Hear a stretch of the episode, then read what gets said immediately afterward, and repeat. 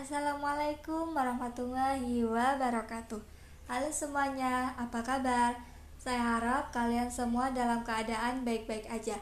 Tetap jaga kesehatan dan patuhi protokol kesehatan Karena sekarang masih pandemi.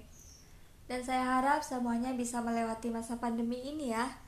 Saya Inani Nuruna Vila, panggil saja Vila, Pink, atau Ina, atau terserah. Enaknya kalian mau manggil yang mana Alamat saya di Gapura Sumeneb. Hobinya saya itu kalau libur, rebahan, dan ngedrakor, terus makan juga. Makanan kesukaan saya bakso. Ada gak sih dari kalian yang juga suka makan bakso, terus minumnya itu es teh? Cobain deh rasanya, ah mantap. Dan ini merupakan podcast pertama saya.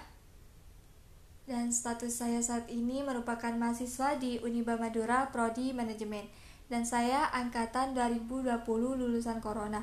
Dan perlu kalian ketahui, di angkatan saya ini, angkatan 2020, UN telah ditiadakan. Jadi benar-benar lulusan corona dong.